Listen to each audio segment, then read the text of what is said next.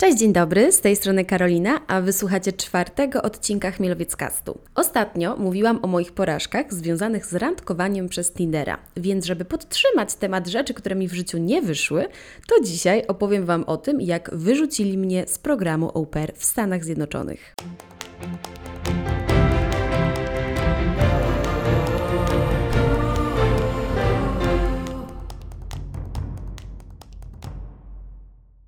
Słowem wstępu dla niewtajemniczonych, Au Pair to program edukacyjno-kulturowy skierowany do młodych osób, które wyjeżdżają za granicę i w zamian za pokój, wyżywienie, drobne kieszonkowe pomagają rodzinie w opiece nad dziećmi i w drobnych pracach domowych. To jest tak zwana live-in nanny. W praktyce jednak, poza tym, że jesteśmy nianią, jesteśmy też kucharką, szoferką, korepetytorką, sprzątaczką, czasami kochanką, a finalnie okazuje się, że trzeba po prostu wychowywać dzieci bogatych ludzi, którzy sami nie mają na to czasu, bo tak dużo pracują. Program ten nazywa się wymianą, dlatego że my dajemy coś od siebie, tak? Przyzwyczajamy dzieci do wielokulturowości, uczymy ich nowego języka, jesteśmy na każde zawołanie rodziny, no i oni dają coś od siebie, czyli możemy wchłaniać ich kulturę, pomieszkać sobie przez moment za granicą i tak dalej.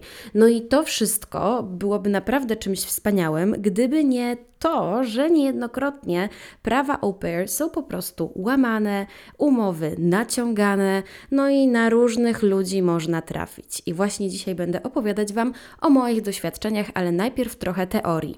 Aby zostać au pair w Europie, trzeba być pomiędzy 18 a 30 mniej więcej. Jednak, jeżeli interesuje nas USA, to trzeba wyjechać przed 26 urodzinami. Później wyjaśnię dlaczego. W tym przypadku płeć nie ma znaczenia, jednak, no nie będę Was czarować, większość społeczności au pair stanowią dziewczyny. Co do wymagań, to powinnyśmy być niezamężne, niepalące, za to posiadające prawo jazdy, udokumentowane minimum 250 godzin pracy z dziećmi, zaświadczenie o niekaralności, zaświadczenie od lekarza o dobrym stanie zdrowia, ukończoną szkołę średnią i znajomość języka angielskiego lub języka kraju, do którego się wybieramy w stopniu przynajmniej komunikatywnym. I może brzmi to wszystko trochę skomplikowanie, ale nie jest. Nie trudno jest sprostać tym wymaganiom i moim zdaniem nie są jakieś wygórowane. W Europie możemy wyjechać na program na ile chcemy. Od Summer Au Pair w okresie letnim na miesiąc czy dwa, aż po rok czy nawet więcej. Natomiast do Stanów jedziemy na minimum rok z możliwością przedłużenia na kolejne 6, 9 lub 12 miesięcy. A dlaczego tak? Bo u nas w Europie taka praca nie jest tak popularna jak za oceanem i w związku z tym nie ma żadnych konkretnych regulacji dla pair. A w Stanach stanowią one sporą grupę i przed przyjazdem muszą starać się o otrzymanie specjalnej wizy, więc wszystko jest zapisane w regulacjach Departamentu Stanu Stanów Zjednoczonych w podrozdziale o programach wymian obywatelskich. Można sobie poczytać. Ja przestudiowałam ten podrozdział już wielokrotnie, ale do tego przejdziemy.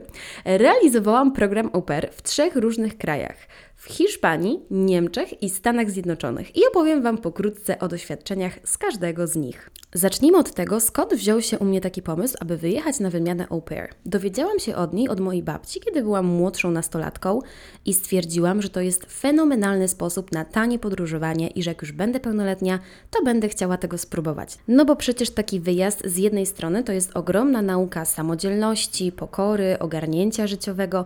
Trzeba wyjść ze swojej strefy komfortu, nauczyć się czegoś nowego i bardzo szybko dojrzeć, wydorośleć, ale z drugiej strony wciąż jesteśmy pod opieką rodziny, więc nie jesteśmy skazani tylko i wyłącznie na siebie, prawda? W teorii. Jeszcze wtedy nie wiedziałam, co mnie czeka. Jak właściwie wyjechać na taką wymianę? No słuchajcie, jeżeli chodzi o teren Europy, to mamy dwa sposoby.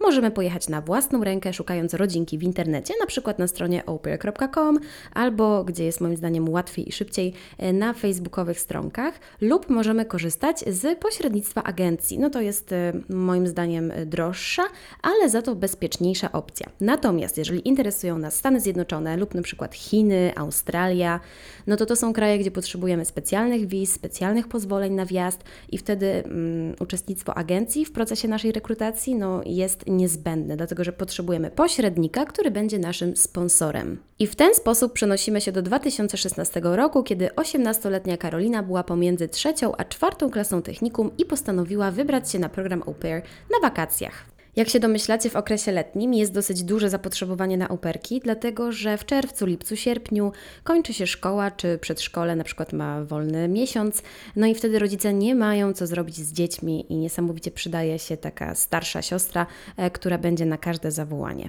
A że ja na tamten moment miałam już wieloletnie doświadczenie w byciu starszą siostrą trójki rodzeństwa, to stwierdziłam, że ten program jest idealny dla mnie. Zgłosiłam się wtedy do agencji, dlatego że no troszeczkę jednak się bałam, jechać na własną rękę z tego względu, że to miał być mój pierwszy wyjazd na tak długo i tak daleko bez rodziców i jeszcze nie byłam gotowa na ten krok, bałam się jakiegoś skamu, oszustwa. Zresztą no, wydaje mi się to być dosyć naturalne. E, byłam wtedy jeszcze bardzo młoda i tak dalej. Więc zgłosiłam się do takiej agencji, która za całkiem przystępną cenę oferowała swoje pośrednictwo w poszukiwaniu rodzinek w różnych krajach na całym świecie. I tak się jakoś złożyło, że właśnie właśnie w tamtym czasie startowałam ze swoim kanałem na YouTubie, na którym dokumentowałam wszystkie kroki mojej rekrutacji, szukania rodziny oraz wyjazdu jako au pair. Część tych filmików wciąż jest dostępna, bo mają dla mnie ogromną wartość sentymentalną, więc jeżeli chcecie zobaczyć, jak ja kiedyś byłam e, piękna, młoda i naiwna, no to zachęcam. A na razie wróćmy do tematu. Uzupełniając papierologię, zaznaczyłam w formularzu, że interesuje mnie tylko i wyłącznie Wielka Brytania, bo wiedziałam, że tam będę mogła wykorzystać swoją umiejętność mówienia w języku angielskim.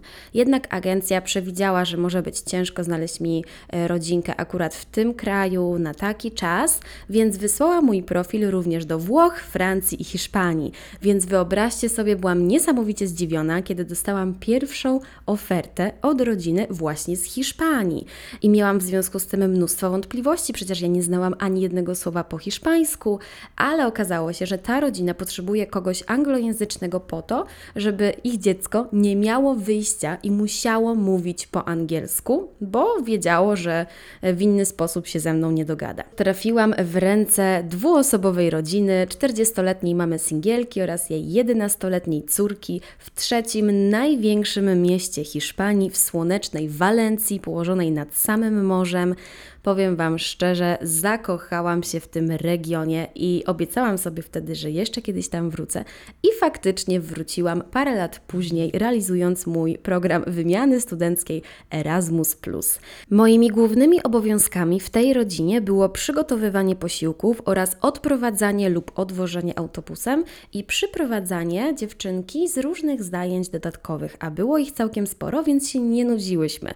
Chodziła na przykład na chór, taniec, skrzypce, jazdę konną, zajęcia sportowe, a kiedy skończyła już się szkoła i zaczęły się wakacje, to praktycznie całe dnie spędzałyśmy nad basenem. Mój typowy plan dnia wyglądał tak, że rano mogłam sobie spać tyle, ile mi się podoba, dlatego że ona sama jadła sobie śniadanko i szła do szkoły, która była tuż za rogiem.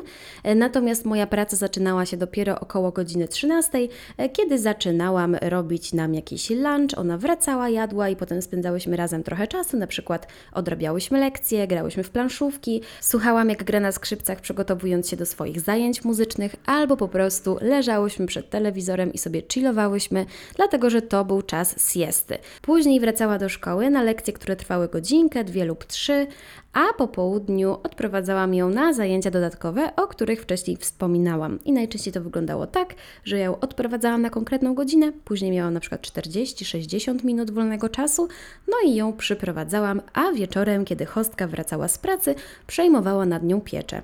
Moje relacje z hostką określiłabym jako poprawne, czyli między nami nigdy nie było żadnych większych kłótni czy konfliktów, ale też nie byłyśmy jakoś specjalnie blisko. Zawsze potrafiłyśmy pójść na kompromis, jeżeli chodzi o planowanie e, naszego kolejnego tygodnia, tak, żebyśmy obie miały e, wieczorem czas na to, aby wyjść sobie gdzieś ze znajomymi albo, no nie wiem, pójść na jakąś imprezę na weekendzie. Ogólnie spędzałam z tą rodzinką całkiem sporo wolnego czasu. Hostka zabierała mnie na przykład na kolację ze znajomymi, na weekend do swoich rodziców, do muzeum. Chodziłyśmy też wspólnie na mm, przedstawienia i występy jej córki, no bo tak jak wcześniej wspomniałam, i śpiewała, i tańczyła, i tak dalej. Ale nie zostałyśmy jakimiś bliskimi przyjaciółkami, no bo pamiętajmy, że au mimo wszystko jest pracą, za którą dostajemy tygodniowe wynagrodzenie, e, tak zwane pocket money, czyli kieszonkowe, no bo nie jest to wystarczająca kwota, aby mogła być nazwana wypłatą.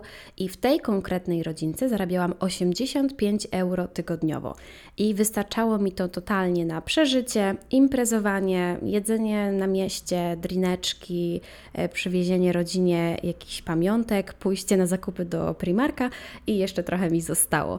Więc ja byłam bardzo zadowolona zarówno z tego, ile zarabiam, e, jak i z tego, gdzie mieszkam, dlatego że lokalizacja była fenomenalna, mieszkanie praktycznie w centrum miasta, bardzo blisko metra czy przystanków autobusowych, a wierzcie mi, że nie wszyscy mieli tyle szczęścia, dlatego że niektóre moje koleżanki zarabiały na przykład 50-60 euro tygodniowo, a mieszkały za miastem i potrzebowały na przykład 30, 40, a nawet 60 minut, aby dostać się do centrum. Więc y, au pair to jest naprawdę jedna wielka loteria. I właśnie o tych znajomych i o moich koleżankach chciałabym teraz nieco opowiedzieć, dlatego że to one sprawiły, że tak niesamowicie wspominam ten wyjazd. A jak poznawać ludzi na au pair? Ja znam trzy główne sposoby. Po pierwsze, agencja co miesiąc powinna organizować takie integracyjne spotkania w formie na przykład pikniku albo jakiejś wycieczki, żeby au pairki mogły się poznać. Po drugie, rodzinka, host rodzinka po naszym przyjeździe najprawdopodobniej zabierze nas do swoich znajomych, którzy też mają au pair, więc to jest jakby nasza furtka do tego towarzystwa. A po trzecie, moi drodzy, internet. Najlepsze narzędzie do poznawania ludzi. Pewnie teraz używa się do tego Instagrama, nie wiem. W moich czasach używało się Facebooka. Będąc w Hiszpanii, zapisałam się do tej grupy Au Pair in Valencia. Poza tym, że na tej grupie było oczywiście mnóstwo au pair, to zdarzały się również studentki na wymianach albo rodowite Hiszpanki, które chciały nauczyć się angielskiego i mieć trochę bardziej międzynarodowe towarzystwo. Moja grupka najbliższych znajomych to był miks dziewczyn z Wielkiej Brytanii, Francji, Hiszpanii, Czech, Polski i Słowacji. I fenomenalnie bawiłyśmy się w swoim towarzystwie. Chodziłyśmy razem na drineczki, imprezki, nocowałyśmy u siebie nawzajem. Z jedną z najbliższych koleżanek nawet jeździłam na różne dalsze wycieczki e, z jej rodzinką i było naprawdę miło. E, poza tym zdarzało się, że robiłyśmy sobie różne e, pikniki w parku, chodziłyśmy wspólnie na koncerty. Naprawdę bardzo fajnie się tam czułam, bo nigdy wcześniej nie miałam takiej grupki znajomych, z którymi mogłabym mieć takie bogate życie towarzyskie i robić tyle różnych fajnych rzeczy, no bo jednak e, tam e, skąd pochodzę e, w Robczycach największą atrakcją jest przejście wokół rynku i z powrotem, no nie? I gwoli ścisłości zajmuje to jakieś 10 minut w porywach do 12. Podsumowując, bardzo fajnie wspominam pobyt w Hiszpanii, dlatego że to był mój pierwszy taki samodzielny wyjazd na tak długo i tak daleko bez rodziców. E, musiałam się nieco uniezależnić, odciąć pępowinę. E, wtedy przeżywałam też swój pierwszy taki no, szok kulturowy. Mogłam troszeczkę zatęsknić za domem, nabrać mocy i siły do ostatniego roku szkoły średniej, no bo wiedziałam, że po powrocie czeka mnie klasa maturalna. Mogłam też sprawdzić, jak to jest mieszkać w dużym mieście i przekonać się o tym, że kocham to, Miałam również szansę zakochać się w regionie Walencji i postanowić, że kiedyś tam wrócę. Poczułam, jak to jest mieć grupkę fajnych znajomych i móc z nimi robić jeszcze fajniejsze rzeczy. I mam wrażenie, że troszeczkę jednak wydoroślałam. Musiałam nauczyć się zarządzać e, własnymi finansami. To były pierwsze takie duże pieniądze, którymi mogłam sobie operować. I pojechałam tam trochę jako taki dzieciak, a wróciłam jako młoda kobieta. Poprawił się również mój angielski, dlatego że ze wszystkimi znajomymi z całym światem wokół komunikowałam się po angielsku. Jeżeli chodzi o język hiszpański, no to nie miałam zbyt dużo okazji do nauczenia się go. Sama sobie też nie dawałam tych okazji, bo tak się frustrowałam tym, że oni tak szybko mówią i nic nie rozumiem, że nauczyłam się tylko jednego zdania, które brzmi Hola, lo siento, pero no hablo español, co oznacza e, halko, sorki, ale nie mówię po hiszpańsku. I to było zdanie, które musiałam zawsze wszystkim powtarzać, dlatego że niestety Hiszpanie nie lubią uczyć się innych języków. No i starsze pokolenie, e, czyli osoby pracujące na przykład w sklepach czy na straganach, e, w restauracjach, no nie będą mówić w żadnym innym języku i basta. E, jeszcze chyba nawet nie wspomniałam o tym, że my co tydzień mieliśmy panią sprzątającą w naszym mieszkaniu i z nią też był właśnie bardzo utrudniony kontakt, więc finalnie komunikowałyśmy się na migi. Jeżeli coś jest głupie, ale działa, to wcale nie jest głupie. I w związku z tym mam dla Was taką anegdotkę. To nie jest tak, że e, chcę kogoś wyśmiać, tylko chcę Wam pokazać inną perspektywę.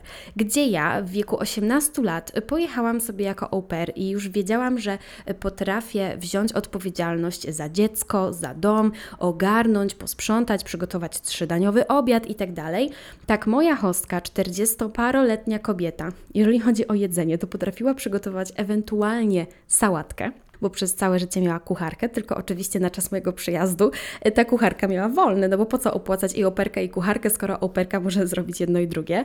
E, no i sama też nigdy nie sprzątała. I wydało się to przy okazji, kiedy mm, nasza pani sprzątająca niestety zapomniała po zdjęciu pościeli, po wrzuceniu jej do prania, założyć nową. I w środku nocy puka do mnie hostka do drzwi i mówi: Karolina, a czy ty potrafisz włożyć kołdrę w poszwę i nałożyć prześcieradło na łóżko? Ja byłam tak wybita z rytmu, byłam w takim szoku. Ja mówię: No pewnie, a co się stało? To możesz mi pomóc, bo ja tego nigdy nie robiłam. Więc słuchajcie, można być mamą, dorosłą kobietą i robić ogromną karierę w międzynarodowej korporacji, a moja hostka pracowała w firmie, którą na 1000% wszyscy doskonale znacie, a jednak można nie umieć podstawowych czynności i jakoś można przeżyć. Kiedy nadszedł czas powrotu do Polski, to ja byłam zrozpaczona. Płakałam straszliwie całą drogę na lotnisko. Było mi przykro opuszczać znajomych, piękną pogodę, palmy, morze, Hiszpanię. No, ale co poradzić? No, pożegnania dla mnie osobiście nigdy nie są łatwe i zawsze ryczę jak bubr. I tutaj mały plot twist. Wracając z Hiszpanii, miałam lot Valencia, Mediolan, Mediolan, Kraków. Przesiadkę w Mediolanie wykorzystałam e, na maksa i e, postanowiłam pozwiedzać sobie miasto. I w ten oto sposób poznałam swojego przyszłego chłopaka, dla którego Rok później przeprowadziłam się do Niemiec jako au pair. Ale jak do tego doszło? Jak do tego doszło? Nie wiem. Ja doskonale wiem, jak do tego doszło. No, straciłam głowę i znowu, zamiast pojechać do tej mojej wymarzonej Wielkiej Brytanii, wybrałam Niemcy, aby być bliżej niego. Ale zanim przejdziemy do pikantnych szczegółów tej historii, to w tak zwanym międzyczasie, czyli w mojej klasie maturalnej, odezwała się do mnie agencja, z którą jechałam do Hiszpanii. Napisali mi mnóstwo miłych słów na temat mojego kanału na YouTubie i stwierdzili, że są tak zadowoleni z tego, w jaki sposób promuję program Au no i przy okazji również ich agencję, że chcą mi zaproponować współpracę. Jako ich ambasadorka zupełnie za darmo mogę pojechać na rok jako au do Stanów Zjednoczonych, albo do Wielkiej Brytanii. I mimo tego, że marzyłam o tym, aby pojechać na wyspy, no to wiedziałam, że jeżeli mogę pojechać gdzieś na rok zupełnie za darmo, no to wybiorę Stany Zjednoczone, bo są droższe, bo są dalej.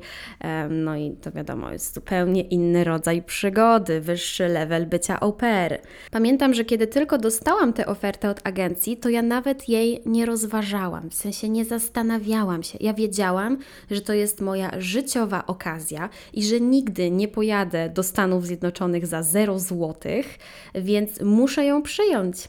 I przy okazji bardzo się cieszyłam, że mogę odwlec w czasie decyzję o tym, na jakie studia pójdę i że zrobię sobie gap year, czyli rok przerwy pomiędzy szkołą średnią a studiami. Moi rodzice od samego początku byli bardzo wspierający. Nigdy w życiu nie usłyszałam od nich zdania w stylu: O, jak teraz nie pójdziesz na studia, to już nigdy nie pójdziesz, po co ci to daleko, niebezpiecznie. Nie, nic z tych rzeczy. Od zawsze miałam od nich ogromne wsparcie, zaczynając od Hiszpanii na moich głupich pomysłach y, obecnie kończąc. No ale gdzie te Niemcy w tym wszystkim?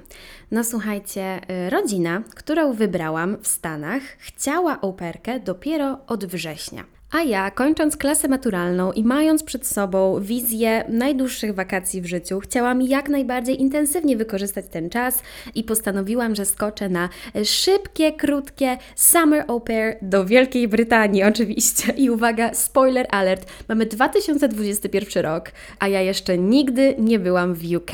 Za każdym razem wydaje mi się, że przecież mogę tam pojechać w każdej chwili jest blisko, y, są tanie bezpośrednie loty, więc zawsze mogę tam pojechać, prawda? No i to zawsze skończyło się w ten sposób, że nie byłam tam nigdy. Wstyd i hańba. Muszę tam kiedyś dotrzeć, zwłaszcza do Szkocji, Cornwalli. Marzą mi się te tereny, ale po prostu czekam na odpowiedni moment. No, on jeszcze nie nadszedł, co Wam poradzę. Mm, nie wiem w ogóle, czy słyszeliście, ale mamy tak zwaną globalną pandemię, więc jakby podróżowanie jest troszeczkę utrudnione, więc mam teraz naprawdę odpowiednią wymówkę.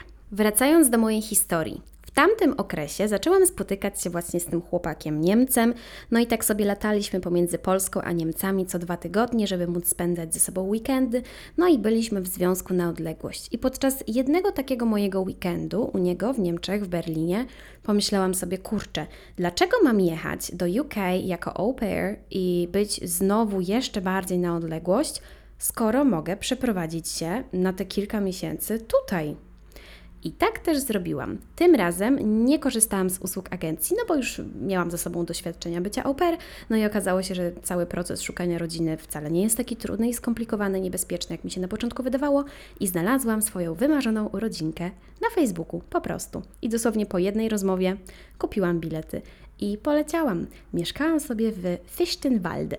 Nie macie bladego pojęcia, gdzie to jest.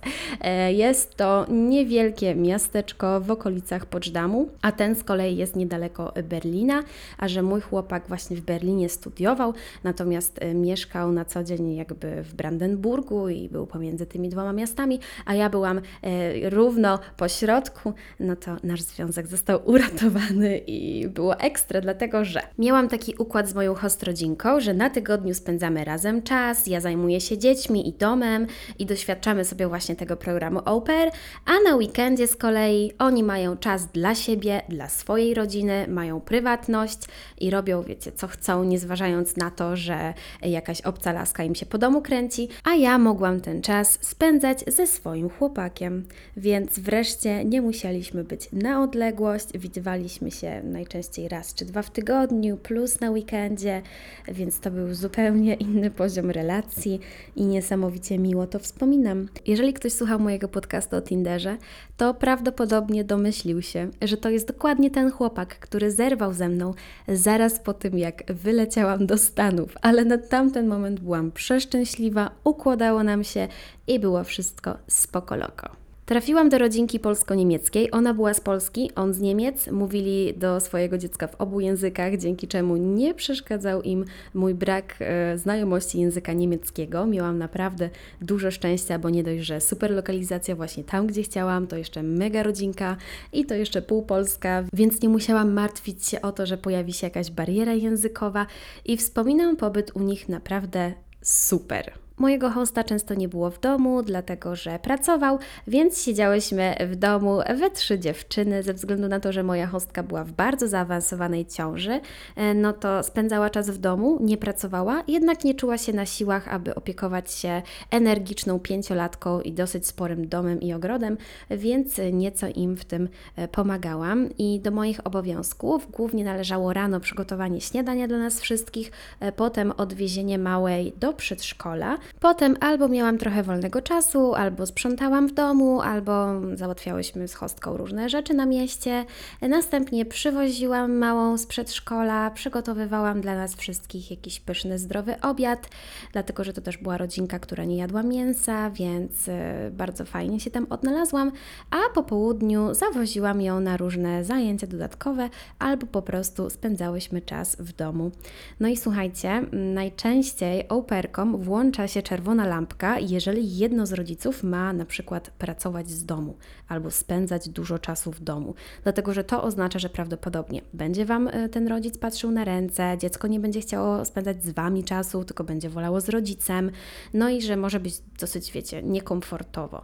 Natomiast u mnie w ogóle tak nie było. Ja poczułam z moją hostką taki flow. My byłyśmy w stanie przegadać ze sobą naprawdę godziny o wszystkim. E, najfajniejsze było to, że ona sama kiedyś była operką, więc wiedziała doskonale przez co przechodzę i wiedziała też, e, czego może ode mnie oczekiwać i jak ze mną postępować i tak dalej. Mogłyśmy wymieniać się doświadczeniami z dwóch różnych perspektyw i to było naprawdę bezcenne. Wydaje mi się, że nawet mogę zaryzykować stwierdzeniem, że się zaprzyjaźniłyśmy i zbliżyły nas takie wspólne pogaduszki, wspólne spędzanie czasu, jeżdżenie po lekarzach. Nawet ja byłam osobą, która przywiozła moją hostkę z maluszkiem ze szpitala prosto z porodówki i tym noworodkiem też się od czasu do czasu zajmowałam. A że dom mojej rodzinki był na skraju lasu i mieli psa, no to często z nim e, wychodziłam na spacery i właśnie czułam tą bliskość natury i to było mega. I to jest właśnie ta rodzinka, z którą mam kontakt po dzień dzisiejszy. Czy ja już o tym wspominałam? Chyba tak. Sorki, ale y, już tyle stoję przy tym mikrofonie, że ja już nie pamiętam, o czym mówiłam, a o czym nie. Jeżeli chodzi o warunki pracy, to zarabiałam tam 100 euro tygodniowo, więc nieco więcej niż w Hiszpanii i miałam do dyspozycji samochód, więc to było bardzo miłe. I jak sami zauważyliście, to były dwa zupełnie różne doświadczenia, gdzie w Hiszpanii kwintesencją mojego życia były koleżanki, wspólne wypady na miasto, tętniąca życiem Walencja, morze, palmy, e, wiecie, imprezy, drineczki i tak dalej, takie bogate życie towarzyskie.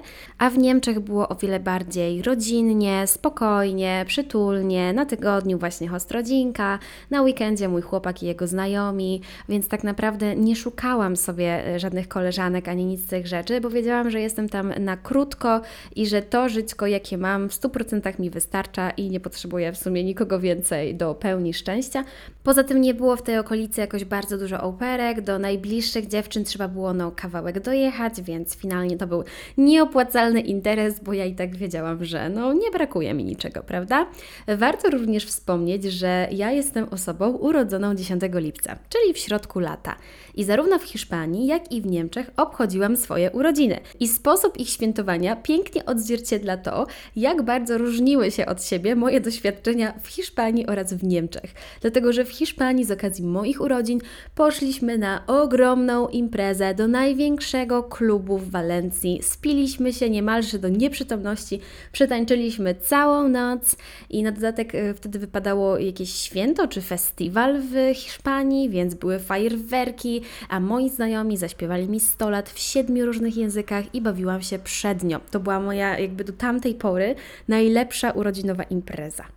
To były moje 19 urodziny. Natomiast moją dwudziestkę świętowałam w Niemczech w taki sposób, że moja hostka upiekła mi ciasto, przyjechał mój chłopak, mieliśmy rodzinny obiad, na chillu i ludziku, oglądaliśmy jakiś film, graliśmy w karty, więc zupełnie inny rodzaj doświadczenia.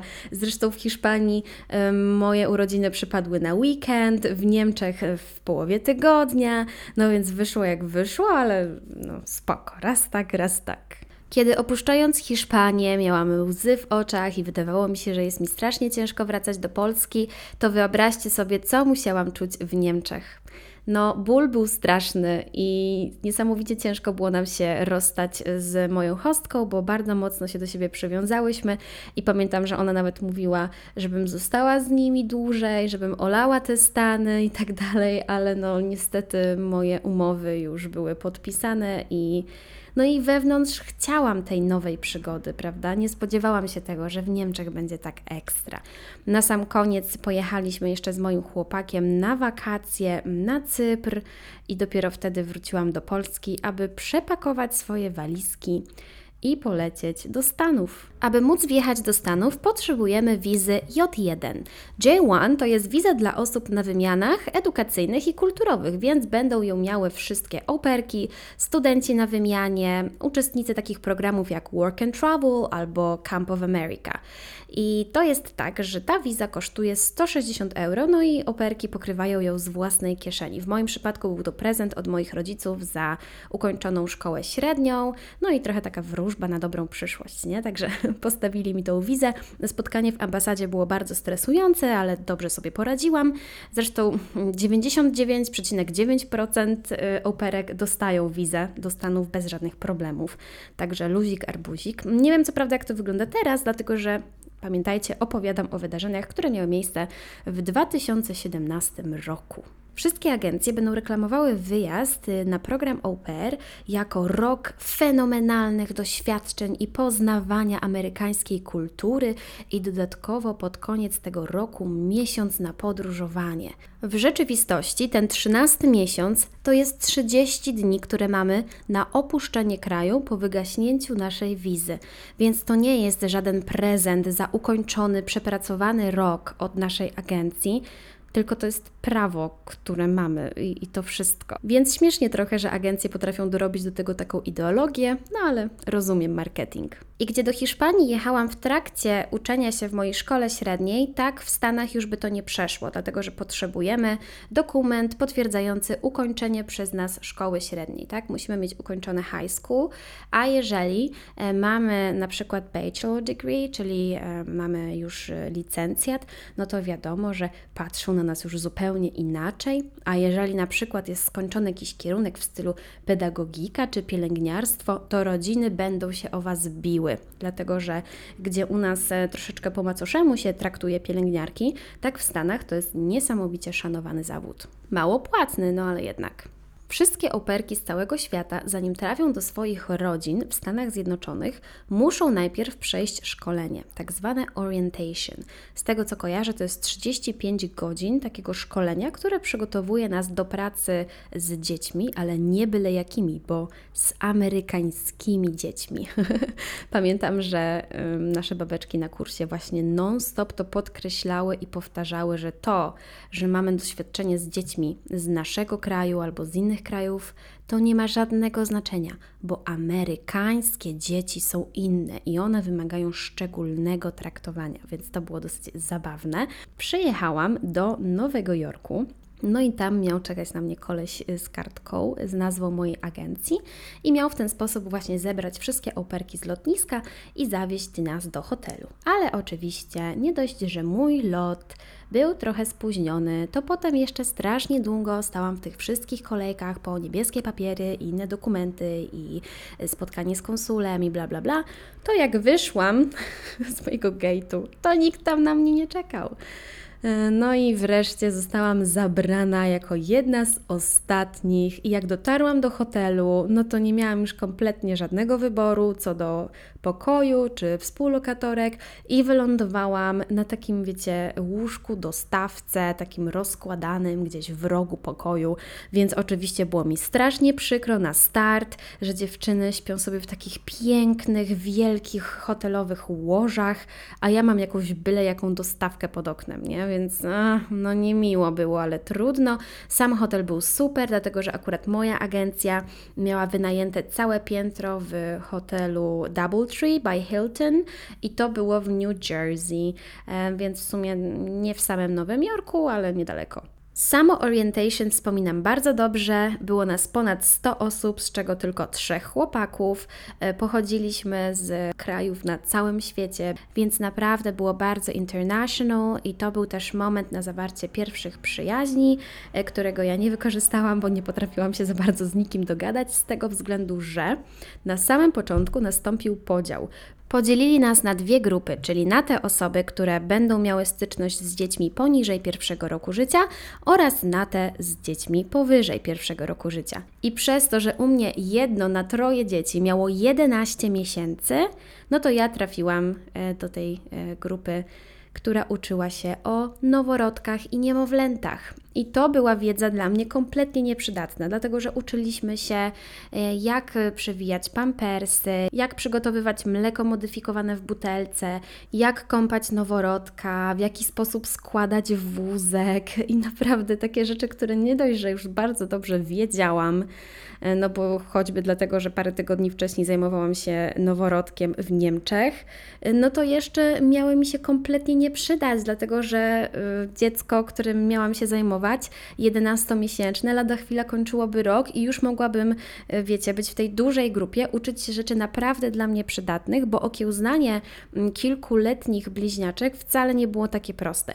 Więc czułam się kompletnie nieprzygotowana, ale nie mogli mnie przerzucić do tej starszej grupy, no bo w systemie było wprowadzone, że ja mam y, malucha i ja muszę przejść przez to szkolenie dla maluchów, nie? Ale fajne było to, że wszyscy sobie chodziliśmy z takimi lalkami, które, wiecie, przypominały dzieci i były tak ciężkie jak dzieci i właśnie trzeba było z tymi dziećmi chodzić wszędzie, z tymi lalkami. Moja grupa na orientation, przez to, że musieliśmy mieć special training ze względu na maluchy, liczyła dosłownie kilkanaście osób i były tam dziewczyny, które na przykład jechały do e, kilkutygodniowych dzieciaczków albo nie wiem, do trzymiesięcznych bliźniaczek jedna jechała i tak dalej. Więc no, no ja tam byłam taka trochę ni w te, ni we w te. No i dodatkowo e, połowa dziewczyn była z Niemiec, więc oczywiście Niemki trzymały się razem. E, druga połowa dziewczyn była z Ameryki Południowej, czyli Kolumbii, Meksyku, Wenezueli, Brazylii, no więc też trzymały się razem, Latino Girls. No i pośrodku tego wszystkiego byłam ja i moja koleżanka z Japonii. My po prostu nie pasowałyśmy do żadnej z grup, więc nie miałyśmy wyjścia i trzymałyśmy się razem. Co ciekawe, finalnie wylądowałyśmy w tym samym mieście i widziałyśmy się później, ale no to nie była jakaś wielka przyjaźń. Ale jeżeli słucha mnie ktoś, kto wybiera się kiedyś na au pair, no to wierzcie mi, że naprawdę fajnie jest stworzyć jakieś pierwsze relacje, przyjaźnie, czy chociaż znajomości na orientation, dlatego że później, nie dość, że w tych początkowych fazach bycia au pair macie kogoś, komu możecie się wygadać i kto jest dokładnie w tej samej sytuacji co Wy, to jeszcze na dodatek potem macie znajomych rozsianych po całych Stanach i możecie się nawzajem odwiedzać, a to jest naprawdę super, bo nie musicie wtedy e, płacić za nocleg w różnych miejscach. Ja poradziłam sobie w inny sposób, korzystając z social mediów, no ale y, taki tradycyjny wydaje mi się, że również jest bardzo fajny i właśnie potem było mi troszeczkę przykro, jak widziałam te wszystkie dziewczyny, które spotykają się, jeżdżą do siebie nawzajem i kumplują się po dzień dzisiejszy, no bo teraz to już oczywiście żonami amerykańskich obywateli, no nie? Warto wspomnieć, że agencja o będzie mówiła w samych superlatywach. Nigdy nie usłyszycie od żadnej agencji, że coś może pójść nie tak, że może Wam się nie spodobać, że możecie trafić na jakąś chorą, patologiczną rodzinę, która będzie się nad Wami znęcać. Nie, wiadomo, agencja musi werbować jak najwięcej operek i rodzin, żeby mieć jak największy katalog jakby dziewczyn do wyboru dla rodzin. Dla nich to są olbrzymie pieniądze, bo gdzie operki y, płacą dosłownie tam kilkaset złotych, czasami nie wiem, może kilka tysięcy za opłatę agencyjną i wizę, tak, po stronie rodziny mm, są ogromne koszty. To są koszty z rzędu kilku tysięcy dolarów, czasami nawet kilkunastu, za przeszkolenie nas, za nasz e, dolot, dojazd, w sensie lot z naszego kraju do, do Stanów i za samą opłatę agencyjną, więc no, dla nich to jest spora inwestycja, więc agencje zawsze, ale to zawsze staną po stronie rodziny, bo tam jest hajs i tam są dobre opinie. Co było bardzo fajne na orientation, to fakt, że wszyscy musieliśmy zdobyć certyfikat e, kursu pierwszej pomocy CPR. No i w naszym przypadku, tej grupy z maluchami, to było CPR na niemowlętach, ale mieliśmy też normalnie taki dorosły fantom, a w przypadku drugiej grupy, no to oni mieli tylko dorosły fantom, no i do tej pory mam certyfikat. Nie wiem, czy kiedykolwiek e, do czegokolwiek mi się przyda, ale mogę sobie wpisać w CV, że taki posiadam, więc to jest akurat e, fajne. I na tym szkoleniu uczyliśmy się również bardzo dużo o wielokulturowości Ameryki oraz o zjawisku zwanym homesick. To nic innego jak taka tęsknota za domem, kiedy nie radzimy sobie z otaczającą nas rzeczywistością i z szokiem kulturowym. No i agencja e, radziła nam, aby w takich przypadkach kontaktować się z naszą LCC. To skrót od Local Child Care Consultant, ale nikt nigdy nie używa tej nazwy, mówi się po prostu LCC. I to są takie kobietki z agencji, które są odpowiedzialne odpowiedzialne za konkretne dzielnice i regiony i są, wiecie, rozsiane po całych Stanach, które są dla nas osobami pierwszego kontaktu. Dzieje się coś złego, pierwsze co mamy robić, kontaktować się z nimi. Czyli na przykład, nie wiem, rodzina nie respektuje naszych praw, dzwonimy do LCC. Jest jakaś kłótnia, konflikt, nie wiecie jak sobie z tym poradzić, dzwonimy do LCC. Mamy jakieś wątpliwości, czujemy homesick, jesteśmy samotne, nie mamy koleżanek, dzwonimy do LCC, ona nas łączy, um, nie wiem, z innymi dziewczynami, z innymi LCC, rozwiązuje nasze problemy, w razie czego przyjeżdża, pomaga w łagodzeniu konfliktów, jeżeli takie się pojawią pomiędzy au pair a rodzinką. No i teoretycznie powinna stać murem za au pairką, abyśmy czuły się w Stanach bezpiecznie. Niestety w praktyce to jest y, bardzo rzadkie zjawisko, dlatego że najczęściej będą robiły wszystko pod agencję. Wiadomo, to jest ich pracodawca i w ich interesie jest to, aby e, nie szargać dobrego imienia agencji. Po zakończeniu kilkudniowego orientation, wszystkie operki rozjeżdżają się w swoje strony. Jeżeli ktoś zostaje w okolicach New Jersey, no to często hości po prostu przyjeżdżali po te dziewczyny samochodem i moim zdaniem to było super, dlatego że nie dość, że ten czas w samochodzie można było wykorzystać na poznanie się, no to jeszcze, wiecie, widoki za oknem i, i tak dalej. Chociaż z drugiej strony to też mogłoby być niezręczne i niekomfortowe, kiedy słyszałam, że na przykład po jakąś operkę przyjeżdża host, no nie? A ona na przykład wstydzi się mówić po angielsku, no to o czym przez parę godzin gadać z obcym, dorosłym facetem, nie? No ale dobra. Mm, ja w każdym razie, przez to, że leciałam na drugi koniec Stanów, trzy godziny zajął mi taki domestic flight i leciałam z Nowego Jorku do Seattle.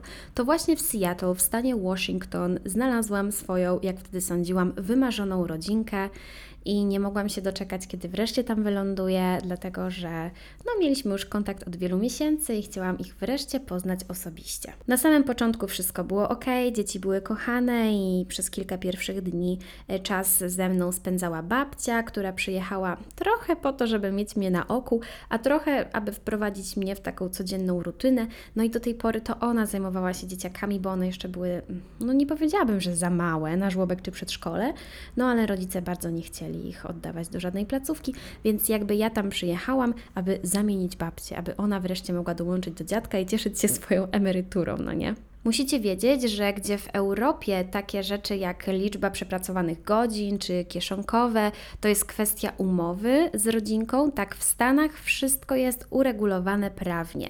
Możemy pracować maksymalnie 45 godzin tygodniowo, maksymalnie 10 godzin dziennie i zarabiamy równo co do centa 195 dolarów i 75 centów tygodniowo. To jest nasza minimalna stawka. Rodzina, jeżeli tylko ma takie życzenie, może nam płacić więcej. I oczywiście to nie jest legalne, abyśmy pracowały więcej niż 45 godzin, ale to się notorycznie zdarza w różnych rodzinach. I tak długo, jak rodzina nam za to dodatkowo płaci, nas wynagradza i potem na przykład mamy więcej kasy albo więcej czasu wolnego, no to to jest super. Tak, jeżeli rodzina za to nie płaci i nas wykorzystuje, no to to już zdecydowanie nie jest super.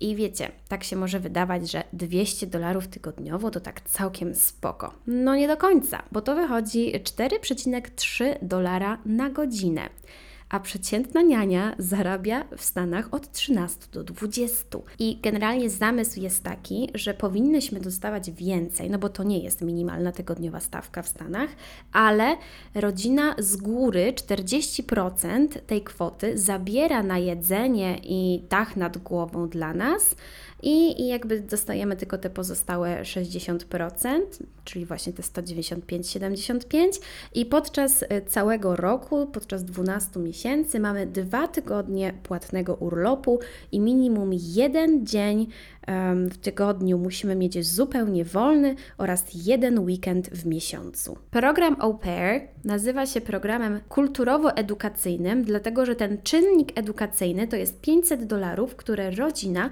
przeznaczy na naszą naukę w koledżu. Ja wiem, że to brzmi fenomenalnie,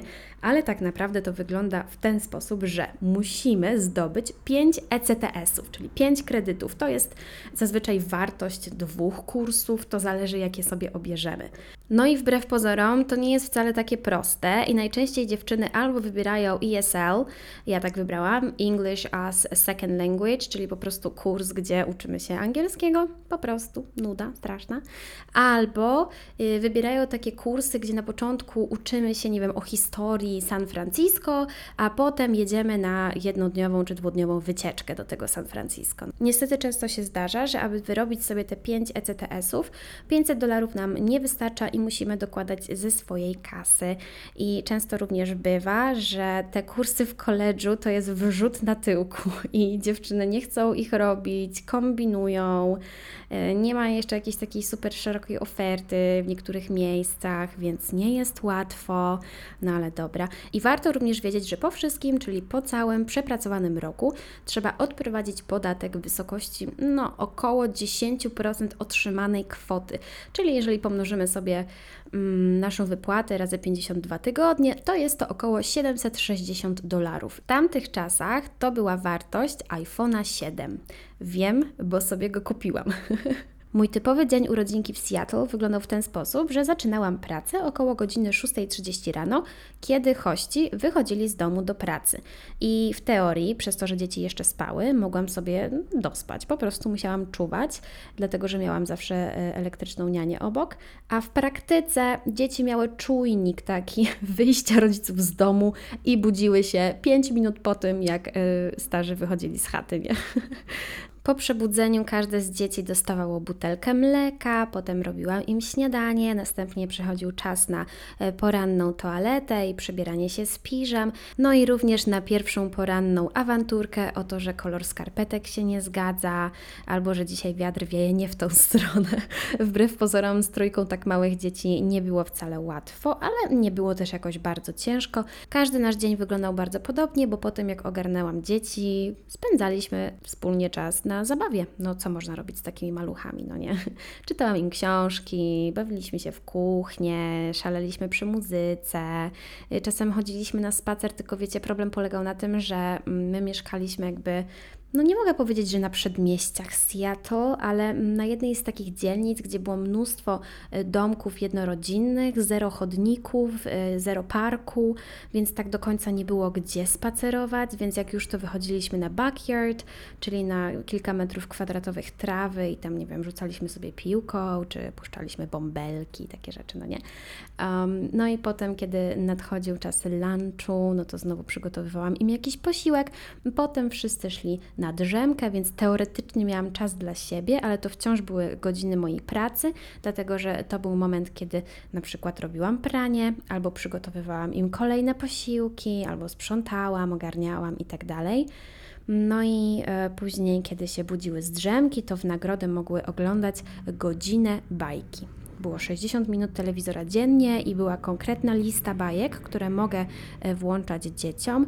No i po tej godzinie znowu zabawa, dopóki nie wrócili rodzice. No i niestety pojawiały się często zgrzyty między dziećmi, dlatego że bliźniaczki były kosmicznie zazdrosne o tego malucha, no i często po prostu stanowiły też dla niego niebezpieczeństwo, na przykład skakały na niego z kanapy, rzucały w niego jakimiś zabawkami albo przyduszały go poduszką. Niby to wszystko było w żartach, ale jednak to sprawiało sprawiało, że musiałam mieć oczy dookoła głowy.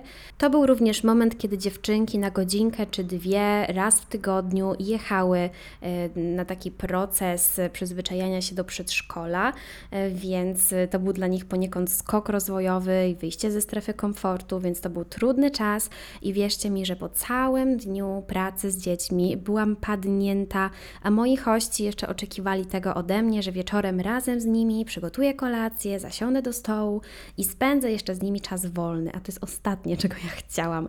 Ja chciałam albo wyrwać się z domu, żeby wreszcie posłuchać ciszy, albo po prostu walnąć się do łóżka i włączyć jakiś serial i tyle. No i tutaj właśnie pojawiały się nasze pierwsze konflikty, czyli według nich ja spędzałam z nimi za mało swojego wolnego czasu. Nie wiem, czy w ogóle słyszycie, jak to brzmi. Mój wolny czas powinien być wolny i mój a oni chcieli, żeby nie był ani wolny, ani mój. Więc e, tam były jakieś tam drobne zgrzyty w związku z tym, że po dniu pełnym pracy ja idę do pokoju i się tam zamykam. Ja mówię, kurczę, starzy, no a kiedy Wy ostatnio spędziliście z własnymi dziećmi cały dzień? Ciekawe, czy bylibyście cali w skowronkach pod koniec, nie? Oczywiście nie mówię, że jestem święta, faktycznie mogłam spędzać z nimi więcej tego czasu, ale byłam po ludzku zmęczona i pod koniec dnia miałam już po prostu dosyć tych dzieci. No, co mogę Wam powiedzieć? Mówię zupełnie szczerze, bo one też nie rozumiały tego, że po pracy ja już jestem po pracy. I jak tylko byłam w zasięgu wzroku, to wiadomo, że chciały wchodzić ze mną w interakcję, chciały się ze mną bawić i tak dalej. No a ja wtedy już byłam padnięta, no. Jednak naszą największą kością niezgody był brak samochodu i gdzie w Hiszpanii kompletnie mi to nie przeszkadzało, dlatego że no, Walencja w porównaniu z Seattle nie jest wcale taka duża. Wszędzie mogłam się dostać rowerem, pieszo, e, metrem lub autobusem. Tak w Seattle nie było to wcale takie proste. To było olbrzymie miasto, autobusy non się spóźniały, jeździły tak jak chciały. Nie mieliśmy też e, właśnie blisko tej szybkiej kolejki ani metra, więc to nie było takie easy, żeby dostać się na przykład na drugi koniec, żeby odwiedzić kumpele, albo żeby wieczorem pojechać sobie na siłownię czy do kina.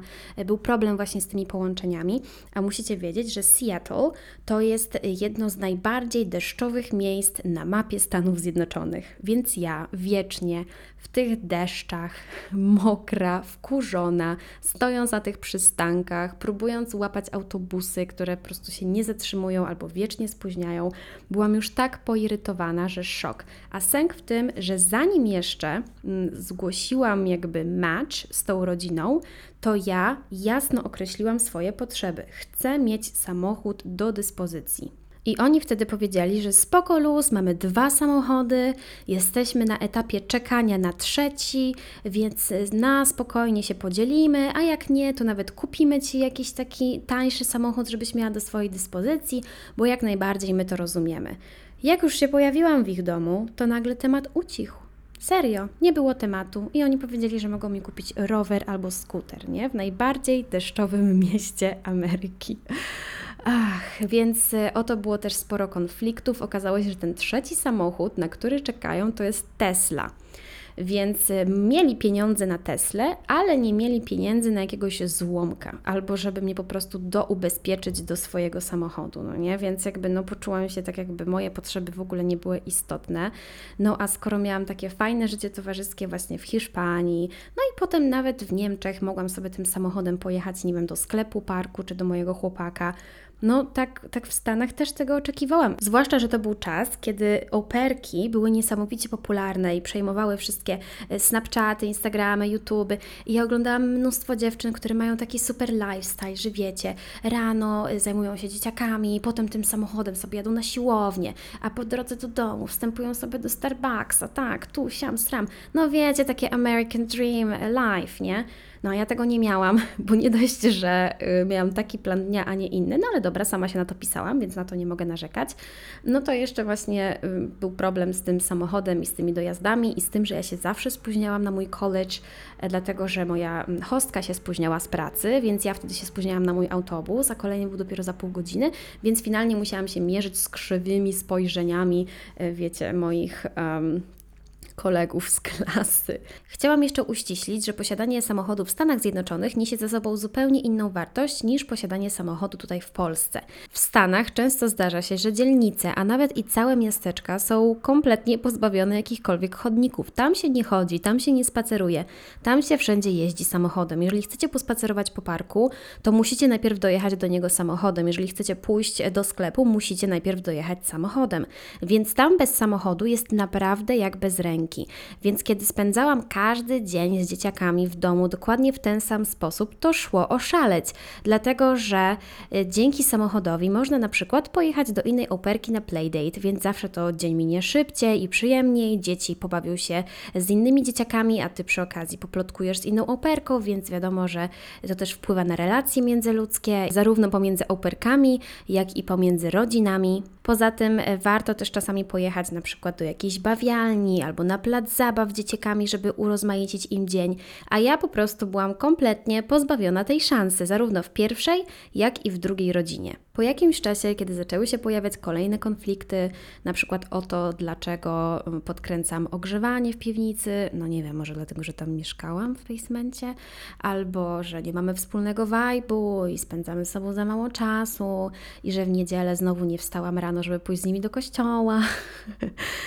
no to sprawiło, że ja zdecydowałam, że to jednak nie jest mój perfect match, że to nie jest jednak rodzinka, z którą ja chcę spędzić cały rok i mimo, że kocham Seattle całym sercem i mam już tutaj znajomych, to jednak zdecyduję się na rematch. Rematch to jest po prostu taki proces zmiany rodziny na inną. Skontaktowałam się z moją LCC, ją w ogóle nic nie, nie interesowało za bardzo, no ale musiała przyjechać, żeby się upewnić, e, czy jesteśmy w tym zgodni. No i moja rodzinka stwierdziła, że no oczywiście, jak ona nie jest tutaj szczęśliwa, no to nikt jej tu nie będzie trzymał na siłę. I w ten sposób wylądowałam w Maryland gdzie było tysiąc razy gorzej. I wyznam Wam, że teraz z perspektywy czasu, gdybym miała powiedzieć o jednej rzeczy, której najbardziej w życiu żałuję, to właśnie byłaby ta decyzja, aby wymienić rodzinkę z Seattle na Maryland i zniszczyć sobie życie. um, no ale cóż, to była dla mnie też pewna lekcja pokory i tego, aby bardziej doceniać to, co się ma. No jedyne, co teraz mogę zrobić, no to przestrzegać inne dziewczyny przed rematchem, bo czasami może się okazać, że trafimy z deszczu pod rynnę.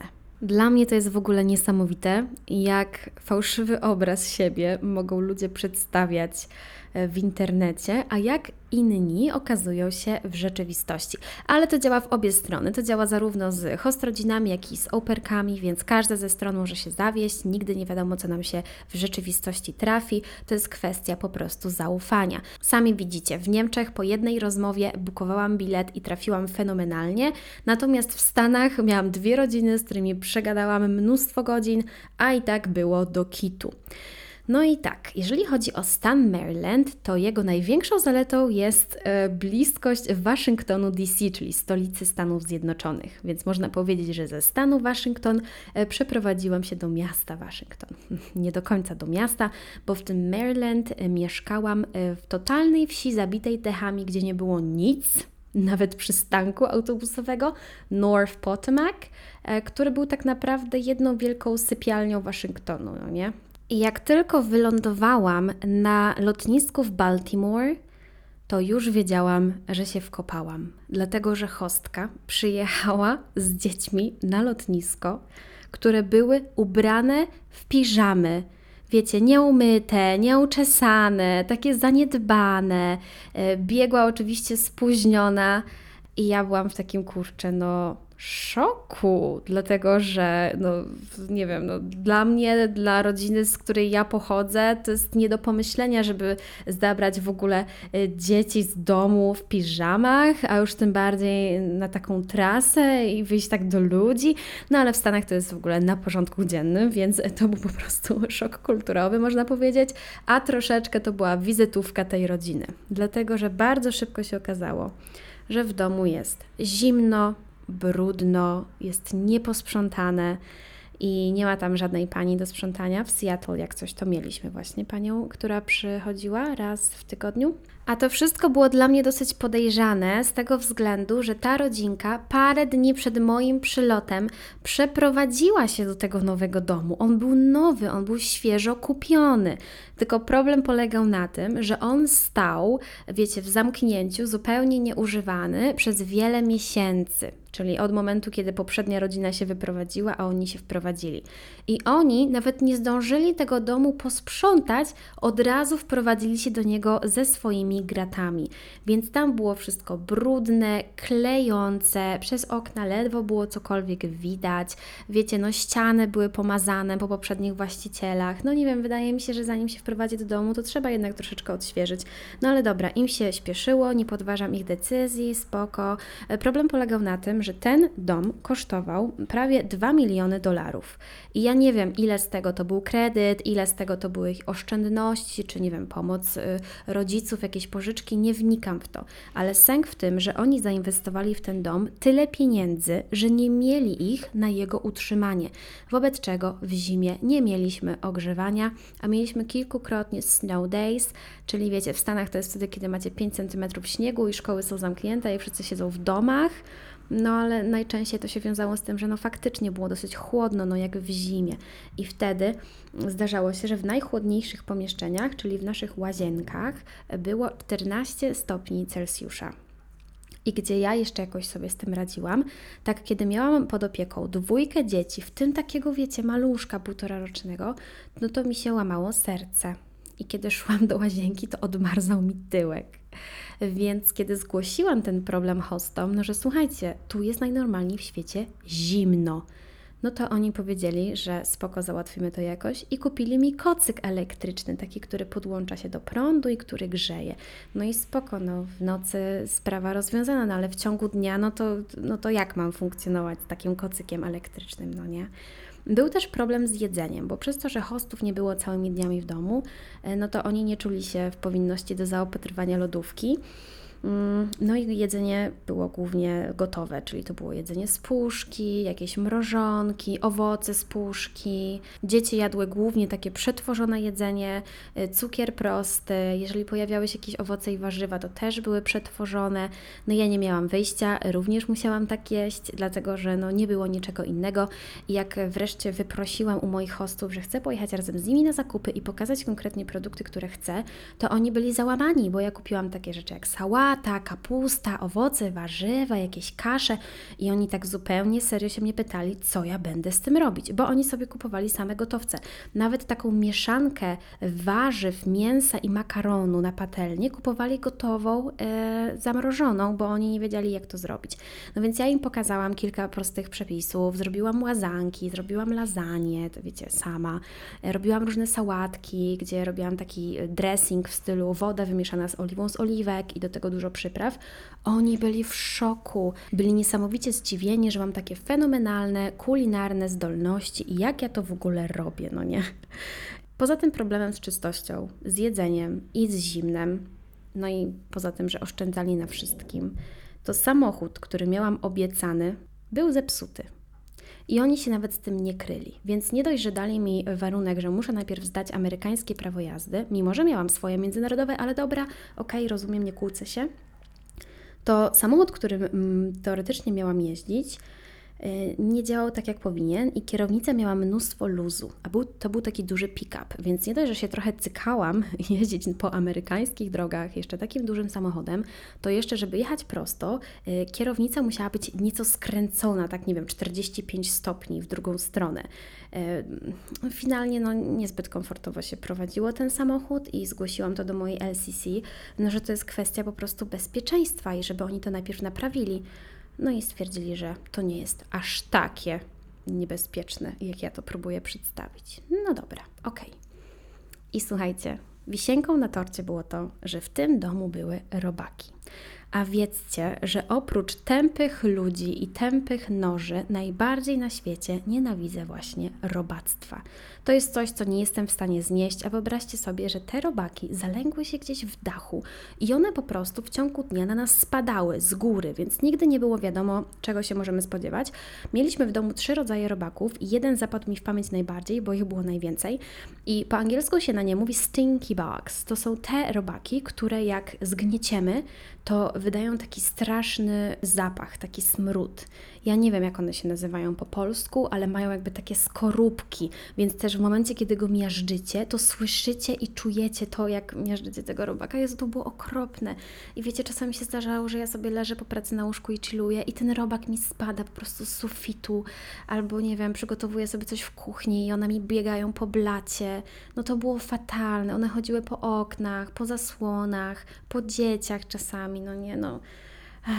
Fatalnie się czułam w tym domu, serio. I ja się dziwiłam, że im to nie przeszkadza. Zwłaszcza, że między nami było niewiele lat różnicy. Ja miałam wtedy 20, no i oczywiście przez to nie mogłam chodzić do żadnych barów, na żadne imprezy, ani nic, no bo trzeba mieć 21, nie mogłam pić, ani nic z tych rzeczy. Mm, ja miałam 20, a oni w tym czasie mieli po 33. Czyli 13 lat różnicy to nie było jakoś strasznie dużo, moim zdaniem. E, nie na tyle, żeby nie móc się dogadać, nie? A my totalnie nie mieliśmy wspólnego języka. I gdzie host jeszcze był taki dosyć ugodowy, zabawny, starał się właśnie e, łagodzić każdy konflikt i dogadać jakoś, tak hostka była po prostu tak złośliwa, że nie byłam w stanie z nią rozmawiać. Mam wrażenie, że ona wszystko robiła na złość. Y, ja jej po prostu nie pasowałam. Nie, nie pasowałyśmy do siebie charakterami. Ona widziała, że mi się nie podoba i chciałabym to zmienić, tamto, siamto. Y, ona też była sfrustrowana y, tym wszystkim, więc finalnie nikt tam nie był szczęśliwy, a przede wszystkim ja. No i mieliśmy kilka rozmów a propos tego, co można zmienić.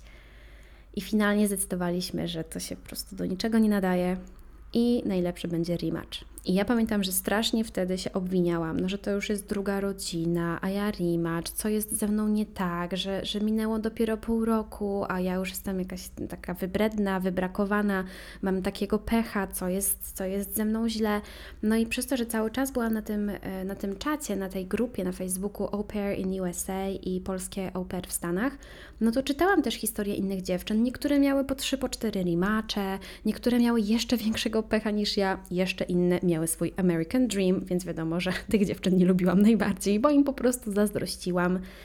No a u mnie, wiecie, z deszczu, podrynne, tam byłam nieszczęśliwa, tu jestem nieszczęśliwa. No i pomyślałam sobie, że nie chcę tak dłużej, że to nie tak miało wyglądać. No i przy okazji cisnęła mnie też moja agencja. Karolina, kiedy wreszcie zaczniesz nagrywać jakieś e, vlogi, jakieś takie filmiki promocyjne, au pair, agencja i tak dalej? Przecież w końcu miałam z nimi umowę. Zapomniałam dodać na początku, że polska agencja, która umożliwiła mi darmowy wyjazd jako ich ambasadorka oraz amerykańska agencja, która w teorii e, miała nade mną czuwać już w, e, w Stanach, no to to są dwie różne agencje, tak? Więc one jakby współpracowały ze sobą i tak długo jak ja przebywałam na terenie Polski, to byłam jakby pod opieką tej polskiej agencji wraz z wylotem z Polski do Stanów, no to już ta Polska niewiele mogła zrobić, tak? Ona miała tylko przekazywać e, dane pomiędzy i pośredniczyć. I ja im zupełnie szczerze powiedziałam: Słuchajcie, był rematch, ale ja wciąż jestem tutaj nieszczęśliwa. Tu jest po prostu jeszcze gorzej, a warunki do życia są koszmarne.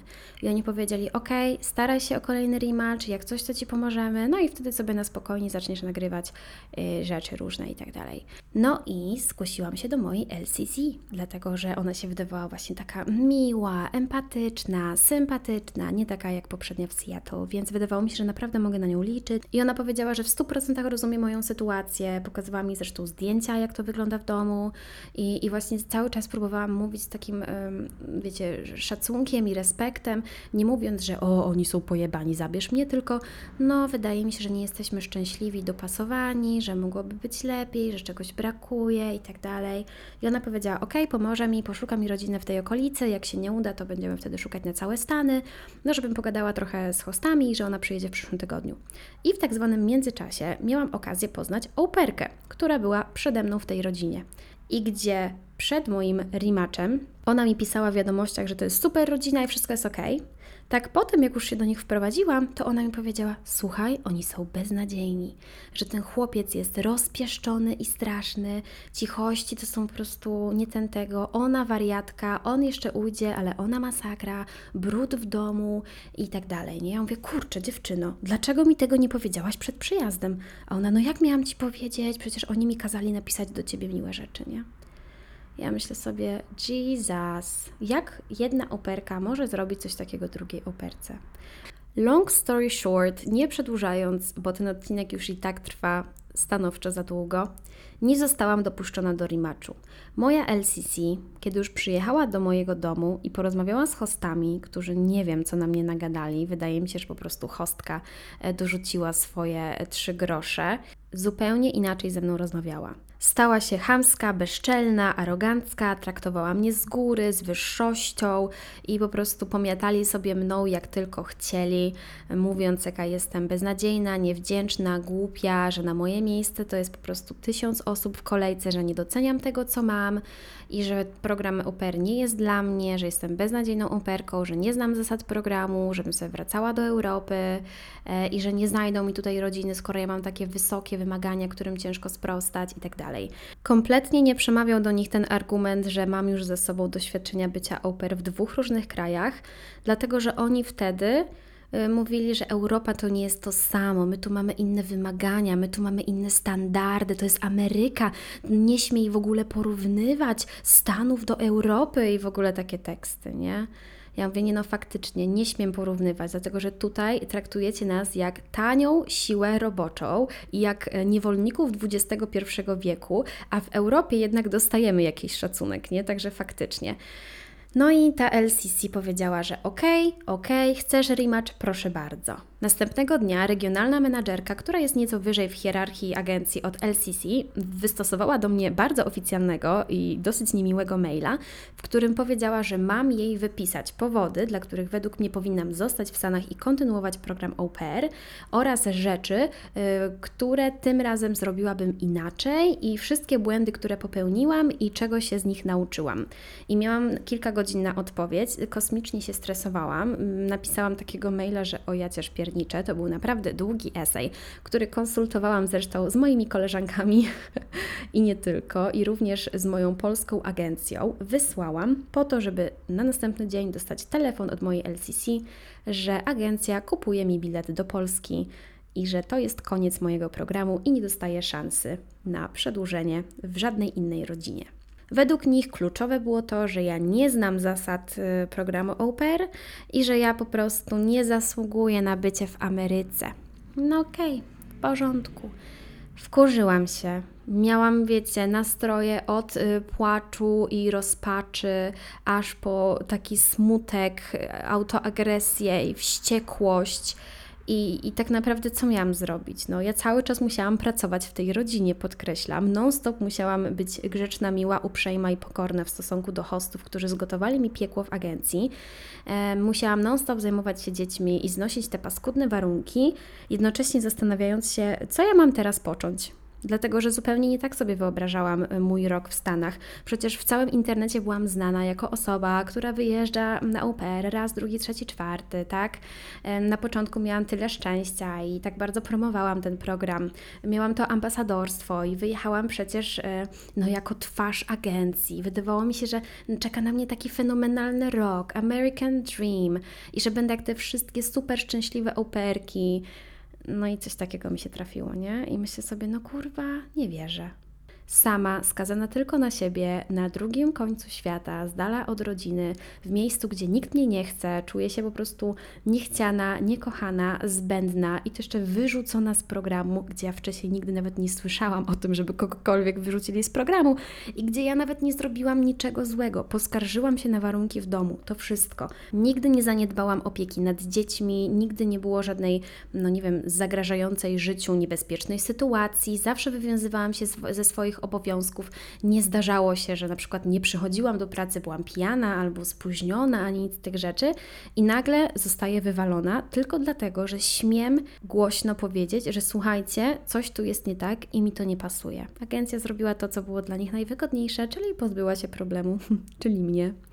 No i musicie wiedzieć, e, że ja wtedy tak łatwo się nie poddałam. Powiedziałam: OK, dajcie mi chwilę. Zadzwoniłam do Departamentu Stanu, zapytałam, co mogę z tym zrobić. Kontaktowałam się z różnymi prawnikami, którzy szukali dla mnie jakichś kruczków, druczków i rozwiązań.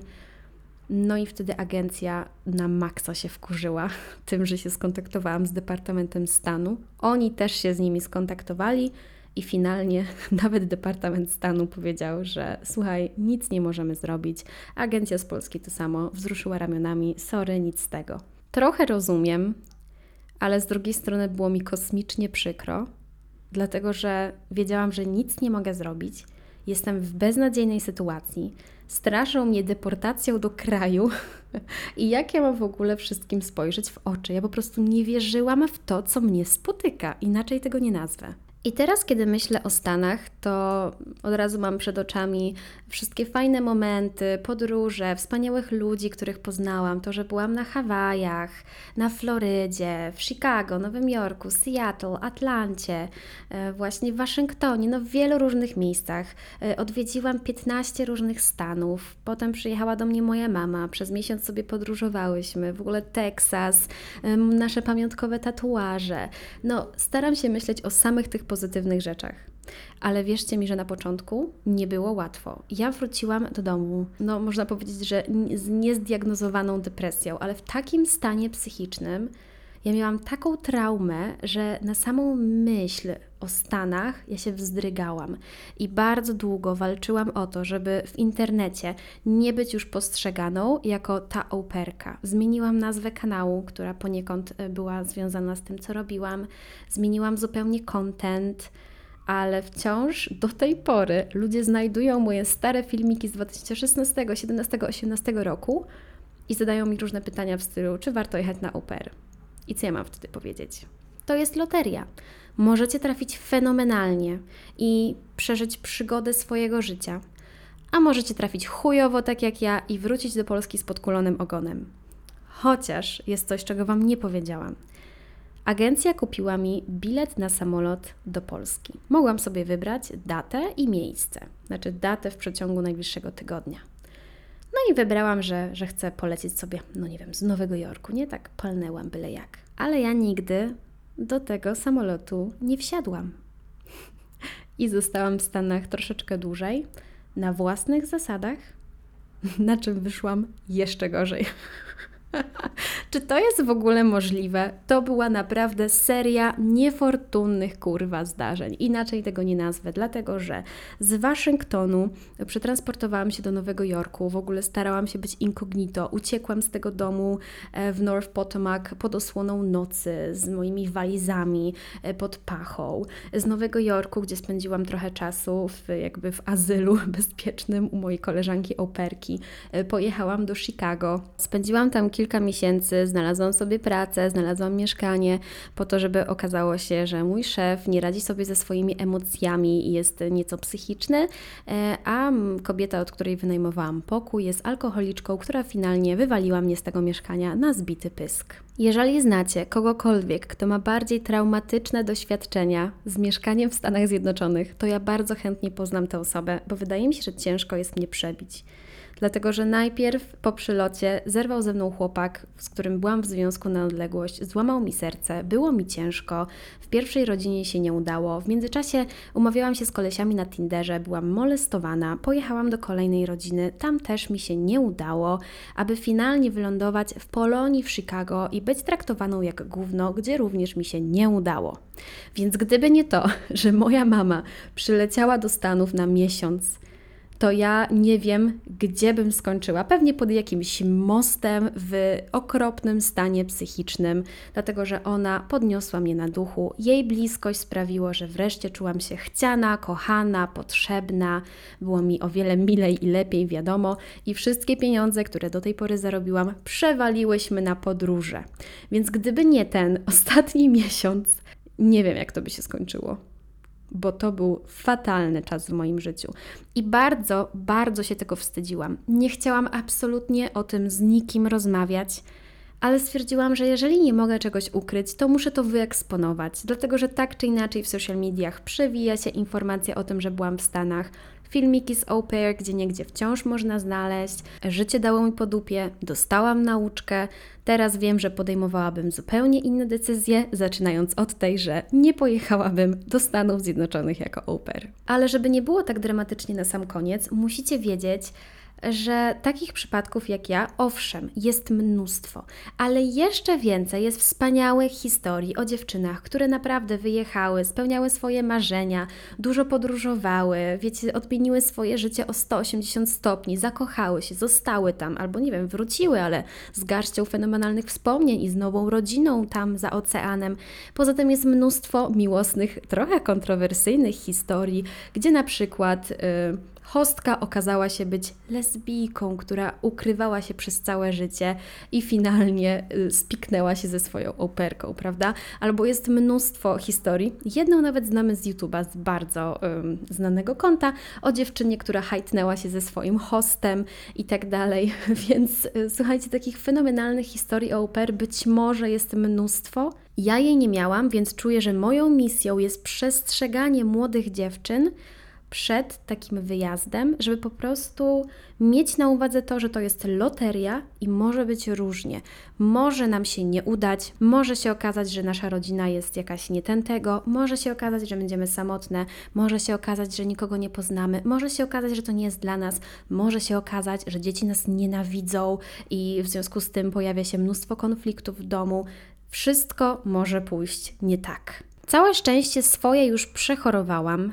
Na początku Stany były niesamowicie drażliwym dla mnie tematem. Teraz już jest ok, jestem w stanie na ten temat rozmawiać, żartować. Po prostu musiał minąć czas, a że czas leczy rany, no to moja już została wyleczona. Przez to, że działam sobie w social mediach, no to ludzie myślą, że mają prawo do krytykowania mnie, do oceniania każdego mojego kroku i wydawania swoich opinii dotyczących e, każdej mojej życiowej decyzji. I nie inaczej było w Stanach. Ja spotkałam się wtedy z olbrzymią falą hejtu i krytyki. Zostałam wtedy okrzyknięta najbardziej niewdzięczną, rozpieszczoną i roszczeniową e, gwiazdeczką e, świata au pair, więc nie było mi z tym wszystkim łatwo. Oczywiście miałam wokół siebie również grono osób, które mnie wspierały, dodawały otuchy, rozumiały moje decyzje i dopingowały w tym, abym się nie dawała, tylko pokazała, że jednak e, operki nie są tylko do pomiatania tu i ówdzie. Pamiętacie, jak na samym początku wspomniałam o tym, że dziewczyny wyjeżdżające do Stanów muszą być pomiędzy 18 a 26 rokiem życia? Podejrzewam, że to jest priorytetowe w kwestiach uzyskania wizy, ale drugim czynnikiem jest to, że młodymi dziewczynami jest bardzo łatwo łatwo manipulować. One przyjeżdżają ze swoich wioch zabitych dechami, dajmy na to z jakiejś Brazylii czy innego Meksyku, gdzie prawdopodobnie panuje bieda i nagle mają ten dobrobyt i przepych American Dream, wielkie Stany, więc one zrobią wszystko, żeby zostać tam jak najdłużej. A tu przyjechała jakaś taka Polka, która myśli, że jest nie wiadomo kim i że może sobie zmieniać rodziny, ile jej się podoba, no nie? No więc y, warto też wziąć to pod uwagę, że dla wielu dziewczyn z biednych rodzin, z biednych regionów, au pair to jest ogromna życiowa szansa, aby polepszyć swój status. Jeżeli słuchają mnie jakieś byłe operki i mają jakieś ciekawe historie do przekazania, to piszcie do mnie maile na chmielowiec.cast.gmail.com. Chętnie poczytam wszystkie historie, zarówno te z happy endem, jak i te traumatyczne, może nawet tutaj w formie podcastu.